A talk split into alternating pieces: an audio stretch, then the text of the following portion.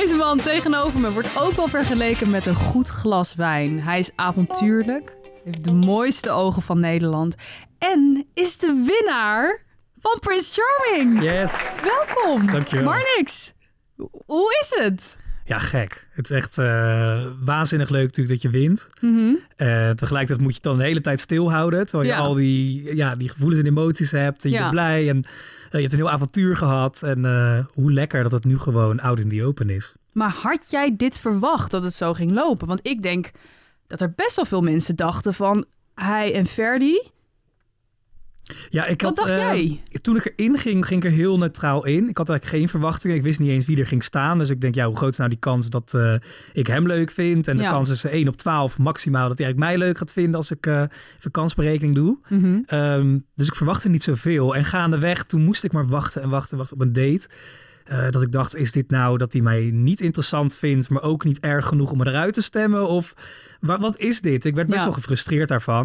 Want dat zei hij ook tegen jou, toch? Van, jij bent een Ja. goed gerijpte wijn. Ik laat je even op de plank liggen. En toen haalde je je tevoorschijn. Ja, alleen toen waren we al best wel een tijd. En toen, eh, Ja. tot voordat hij dat zei, toen stond ik al vier ceremonies daar eh, van, eh, hoe sta ik nou? En toen Ja. begint ging hij met Ferdi wel op die eh, jetski. Mhm. En Ferdi kwam helemaal hoog op de boot al terug. Ehm, en toen dacht ik, ja, wanneer ik? En eh, ja, maakte me wel onzeker ja. op dat moment. Ja, jij bleek dus een dieseltje, maar op het einde ineens een vette inhaal. Kunnen we het heel even hebben over die laatste date van jullie? Want dat ging er wel echt behoorlijk steamy aan toe. Ja, Eh, nou, voor de mensen die dat gezien hebben, jullie tongen konden elkaar gewoon niet met rust laten. Dat was een beetje die situatie, toch? ja, klopt. Hoe ging dat? Ja, het was gewoon de hele setting. Ehm, we waren eindelijk wat langer alleen. De, de eerste keer daarvoor, dat was in een auto. Was hij aan het rijden. Ja, Ehm, ja, daar kan je niet zo uitgebreid gaan zoenen of zo. En toen was het ook nog te pril. En op dat moment, het was gewoon perfect. Een boot eh, op de zee daar, prachtige kust om je heen. Eh, ja, ultiem. Maar ik denk ook, want jij bent de, de enige kandidaat dit seizoen geweest. En ik denk dat Marvin daar uiteindelijk voor is gevallen. Jij was de eerste die hem zoende. Ook al was het snel zo in die Fiat samen. Ja, ook een heel spontaan moment. Ik Mhm. was eigenlijk de camera's vergeten. Ja. Daar hangen twee eh, GoPro's in die auto. En eh, ik denk juist, oh chill, we zijn even alleen.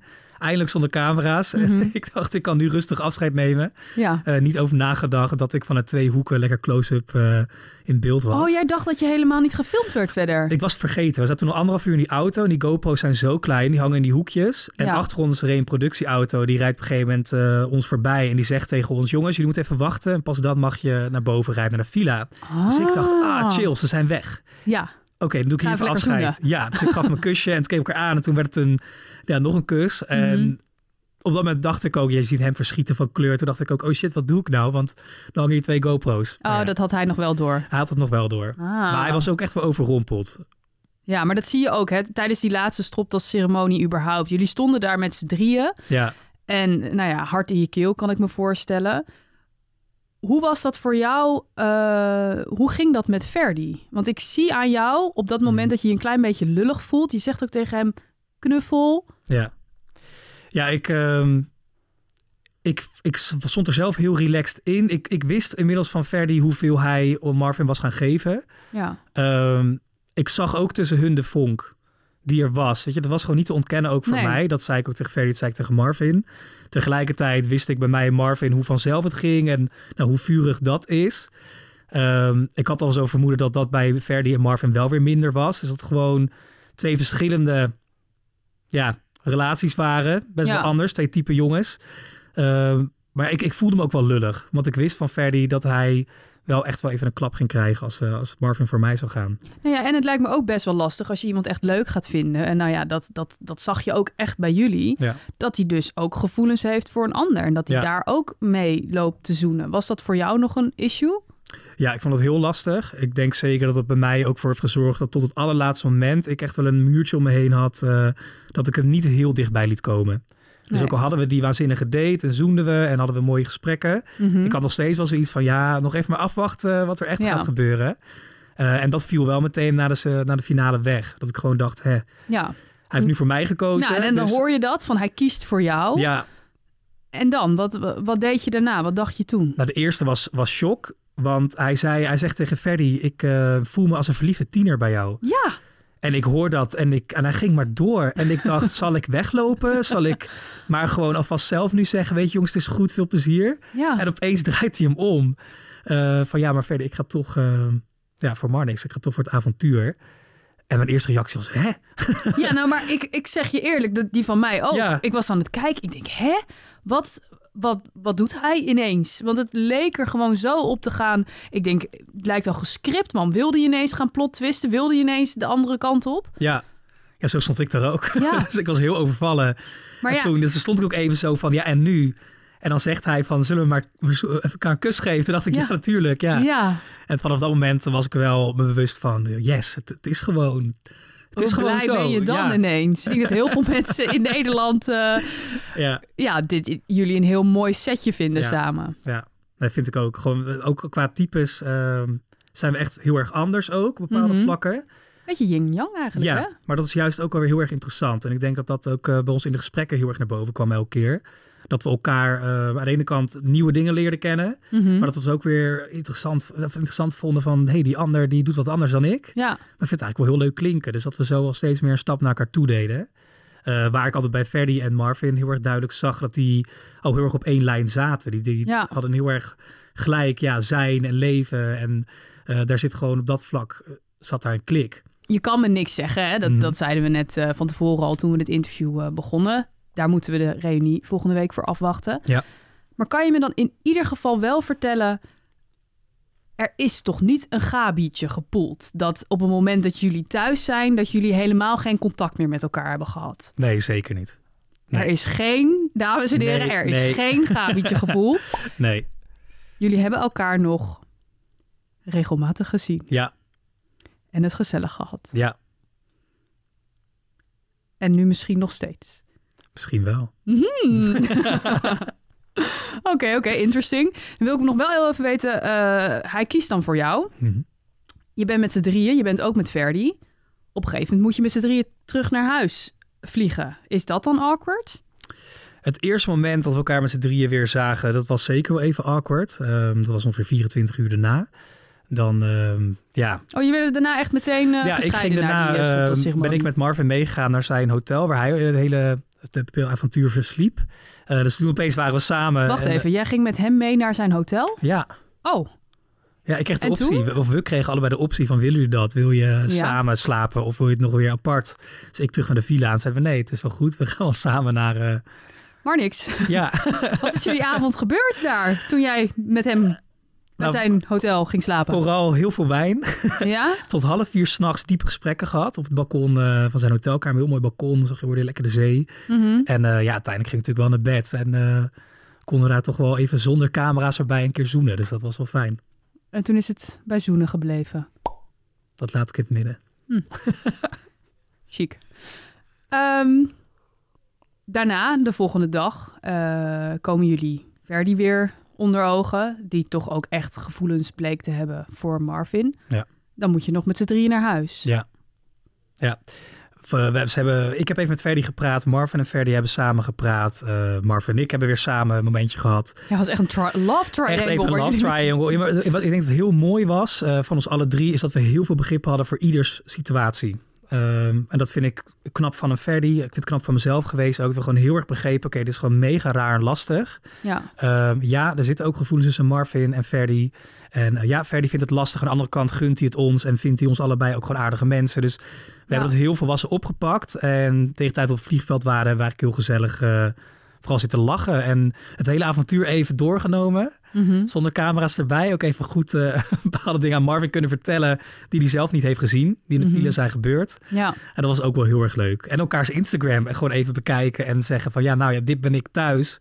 Eh, dit zijn mijn vrienden. En, en eh, ja, Je hebt dan eigenlijk voor het eerst echt de tijd om uit die bubbel te Ja. stappen natuurlijk ook. Ja. Marvin had op een gegeven moment de behoefte om met jou in het diepe te springen.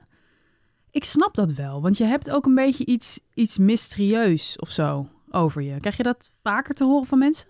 Ja, zeker. Ja, dat herken ik ook heel erg wel van mezelf. Ehm, ik ben heel open, maar je moet me wel eerst de vraag stellen. Mhm. En dan krijg je ook gewoon een, eh, een diep antwoord. Dan eh poeier ik het niet af. Mhm. Maar ik ben ook wel iemand die, ik ben heel erg steady bij mezelf. Ehm, ik heb totaal geen behoefte om me te profileren in een groep. Ik heb ook geen behoefte om onderdeel te zijn van een groep op zich. Ik vind het allemaal wel best. Mhm. Dus ik observeer het liever allemaal. Ik doe gewoon vooral mijn eigen ding. En als de rest daarbij kan en eh, het is gewoon gezellig, vind ik het leuk. Maar ik merkte wel heel erg ook, ook binnen de groep dat ik mezelf best wel afzijdig hield. Eh, met iedereen goed, maar met niemand heel goed. Met niemand heel close. En dat vond ik zelf wel heel erg prettig ook. En er waren ook bepaalde mannen in het huis die zeiden van... Weet je, Marnix eh, heeft niet echt het achterste van zijn tong laten zien. Snap je dat? Ja, snap ik zeker. Ik, ehm, Zelfs jouw kamergenoot Alistair zei dat. Ja, ik heb. ehm Alistair en ik ehm, zijn daar een uiterste. Ik ben iemand die heel erg. Ik, ben, ik heb een heel erg mening, maar ik uit die alleen als ik vind dat die relevant is voor de ander en voor mezelf. Mhm. Als iemand er beter van wordt. Eh, ik vind heel vaak dat als ik mijn mening geef, een ander er niet per se beter van wordt. Dan denk ik, nou, laat het dan lekker in je kopje zitten. Eh Alistair die vindt het, ziet het anders. Die zegt, je moet alles gewoon maar zeggen zoals je denkt. Ja, ik weet niet of de wereld daar nou een leukere en betere plek van wordt. En vooral mijn eigen energie eh, wordt er denk ik ook niet veel fijner van. Dus daarin zijn we gewoon heel erg verschillend geweest. En ik Ja. heb dat wel eens tegen hem gezegd. ehm, dat ik hem te bot vond. En dat ik wel eens vond dat hij op een randjes ging zitten die ik echt wel onacceptabel vind. En ja, hij zei weer tegen mij, je moet meer je tong achter van je tong laten zien. Wellicht konden jullie veel van elkaar leren. Ja, dat denk ik wel. Ik heb deze vraag ook eh, aan andere mannen gesteld. Dus ik ben ook wel benieuwd bij jou. Zou jij bevriend kunnen zijn met jezelf? Ik zou zeker bevriend kunnen zijn met mezelf. Ja. Ja? Ja. En waarom ik dat denk is omdat ik eh, sowieso best wel makkelijk ben, sociaal gezien. Ik heb bijna geen vijanden en eh, ik leg altijd wel makkelijk een klik. Maar ook omdat ik van mezelf weet dat ik wel heel veel moeite zou doen om dan mezelf te proberen te begrijpen. Dus ik denk dat ik wel eh, het heel veel fijn zou vinden om met mezelf vriend te zijn. Dat er iemand is die door die muur heen prikt die ik toch om me heen kan hebben. Ja, want dan ken je jezelf, hè? Ja. En zou je ook een relatie kunnen hebben met jezelf? Nee, Nee? Nee, het zou heel onverstandig zijn. Nee, Waarom dan, dat dan? eh, wordt het één grote impulsieve bende. Ja. Ehm, dan beland ik of in de gevangenis, denk ik, of eh, in een schuldsanering. Maar het is niet handig, nee. Wat, wat is dat in jouw karakter dat je zo impulsief bent? Waar komt dat vandaan, denk je? Ik ben al heel jong eh, echt op mezelf aangewezen geweest. Ik zeg ook wel eens, ik heb mezelf opgevoed. En ehm, ook wel heel veel rebe- rebellie al in me gehad op heel jonge leeftijd. En ik heb al gewoon altijd tegen mezelf gezegd, "J- jij kan alles. Als jij het wil, dan ga je het doen. En er zijn er geen limieten. En, ehm, je moet het wel voor zo? jezelf boksen. Sorry dat ik je onderbreek, maar Ja. hoe komt het zo dat je, dat je jezelf hebt opgevoed? Eh, mijn ouders die hadden een heel slecht eh, huwelijk. Mhm. En ehm, ja, mijn vader was eigenlijk nooit thuis. En mijn moeder die, eh, die was ziek. lichamelijk, mentaal. En ja, ik, ik was gewoon echt op mezelf aangewezen daarin. Dus ik heb, me. ja, ik, volgens mij kon ik al koken op een achtste. En, maar ik was dan wel ook zo dat ik dacht, oké, maar dan kook ik ook wel wat ik wil. Ja. En dat heb ik nog steeds heel erg. Dus ik ben heel erg bezig. Daarom misschien ook gewoon een beetje egoïstisch. Maar eh, het heeft er wel voor gezorgd dat ik eh, ook wel heel veel leuke dingen heb bereikt. En heel erg mijn eigen pad ga. Maar ik laat me daardoor ook niet beïnvloeden door een groep of door een ander. Dus als ik aan zo'n huis zit, dan denk ik, mag allemaal leuk en wel. Ik vind jullie allemaal aardig. Ik wil je leren kennen. Mhm. Maar ik ga mezelf niet aanpassen of veranderen of anders eh, voordoen dan omdat jullie hier zijn. Nee. En je bent ook best wel avontuurlijk. Heb je je wel eens afgevraagd of die... Want je, je reist veel, hè? Je hebt in het programma ook over Costa Rica. eh mooie Ja, Indonesië, vooral Zuid-Amerika. Of eh, Azië bedoel ik. M, Heb je je nooit Ja. eens afgevraagd of die, die drang om te reizen... of dat ook een beetje een, een vlucht is misschien van de realiteit? Omdat je ook zegt van... ik vind het eh, best wel spannend als iemand ineens verliefd op me wordt. Dat gaat dan... Ja. Weet je, heb je een beetje bindingsangst misschien... omdat je vroeger niet goed hebt kunnen binden? Ik En- denk het wel. Ja, ja ik denk eh, bindingsangst, verlatingsangst zijn broertjes. Mhm. Ehm, ik zou het zelf denk ik uiteindelijk meer verlatingsangst noemen. Dus niet zozeer dat ik het binden lastig vind, maar meer de angst dat als ik me gebonden heb, dat het dan weer overgaat. En dat ik dan maar denk, dan binden we gewoon helemaal niet. Ja. Maar ja, daarom is het ook, we zijn twee broertjes van elkaar. Mhm. En dat reizen is zeker vluchten. Sterker nog, ik wil emigreren. Ik wil ja. Nederland voor goed achter me laten en het liefst een oceaan ertussen. Mhm. Eh, ik heb wel gezien op mijn lange reizen dat ik lang op één plek kan blijven. Dat heb ik ook echt een beetje getest met mezelf. ja. Dus dan is het niet per se dat ik dan nog behoefte heb om te vluchten.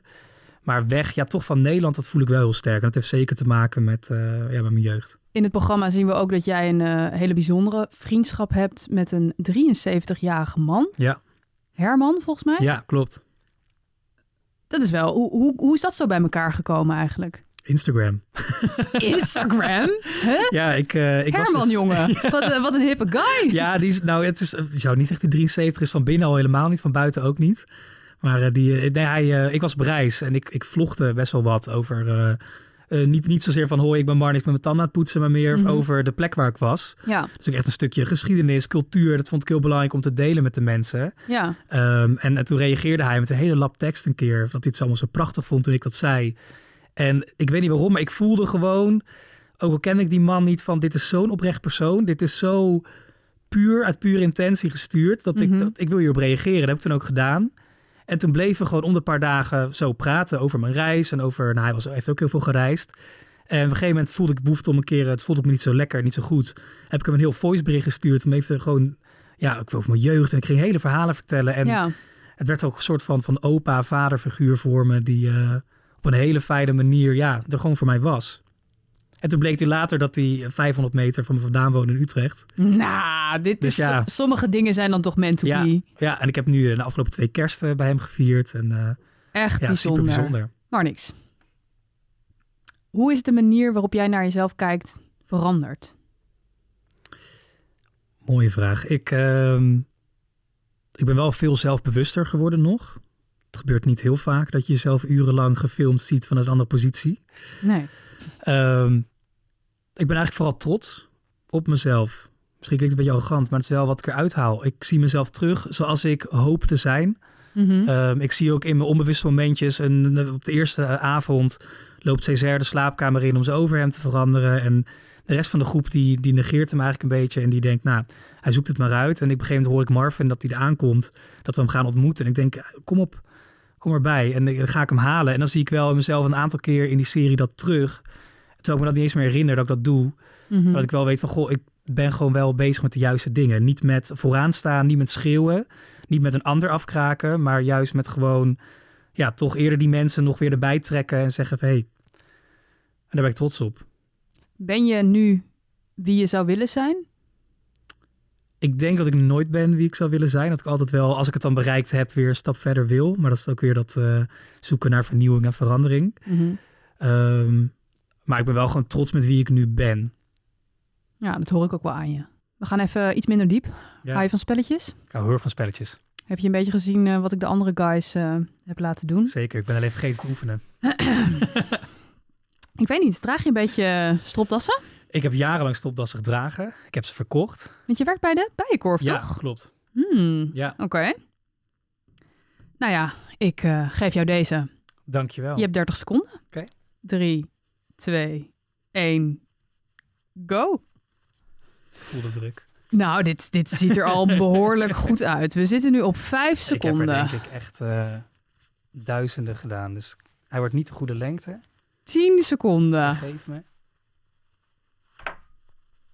Je hebt hem nu wel... eh, ja, ik, ik, eh, hij zit er wel in. De knoop Ja? zit erin, ja. Absoluut. Nou, je had hem eigenlijk al op 18. Ja. Applausje voor jou. Ja, netjes. Ja? Wat oh. Alistair? Oh, oh shit, wat had Alistair? 11 seconden of zo. Hij was echt heel erg snel. De, ik heb je het programma gewonnen, dan kan ik dit best verliezen. Snap je. Lieve Marnix, ik vond het super tof dat je er was. En ik hoop dat jij en Marvin eh, nog steeds met elkaar eh, blijken te zijn. Ik vind je een tof mens. En eh, ik zou zeggen, cheers. Cheers. Leuk dat je er was. Dankjewel.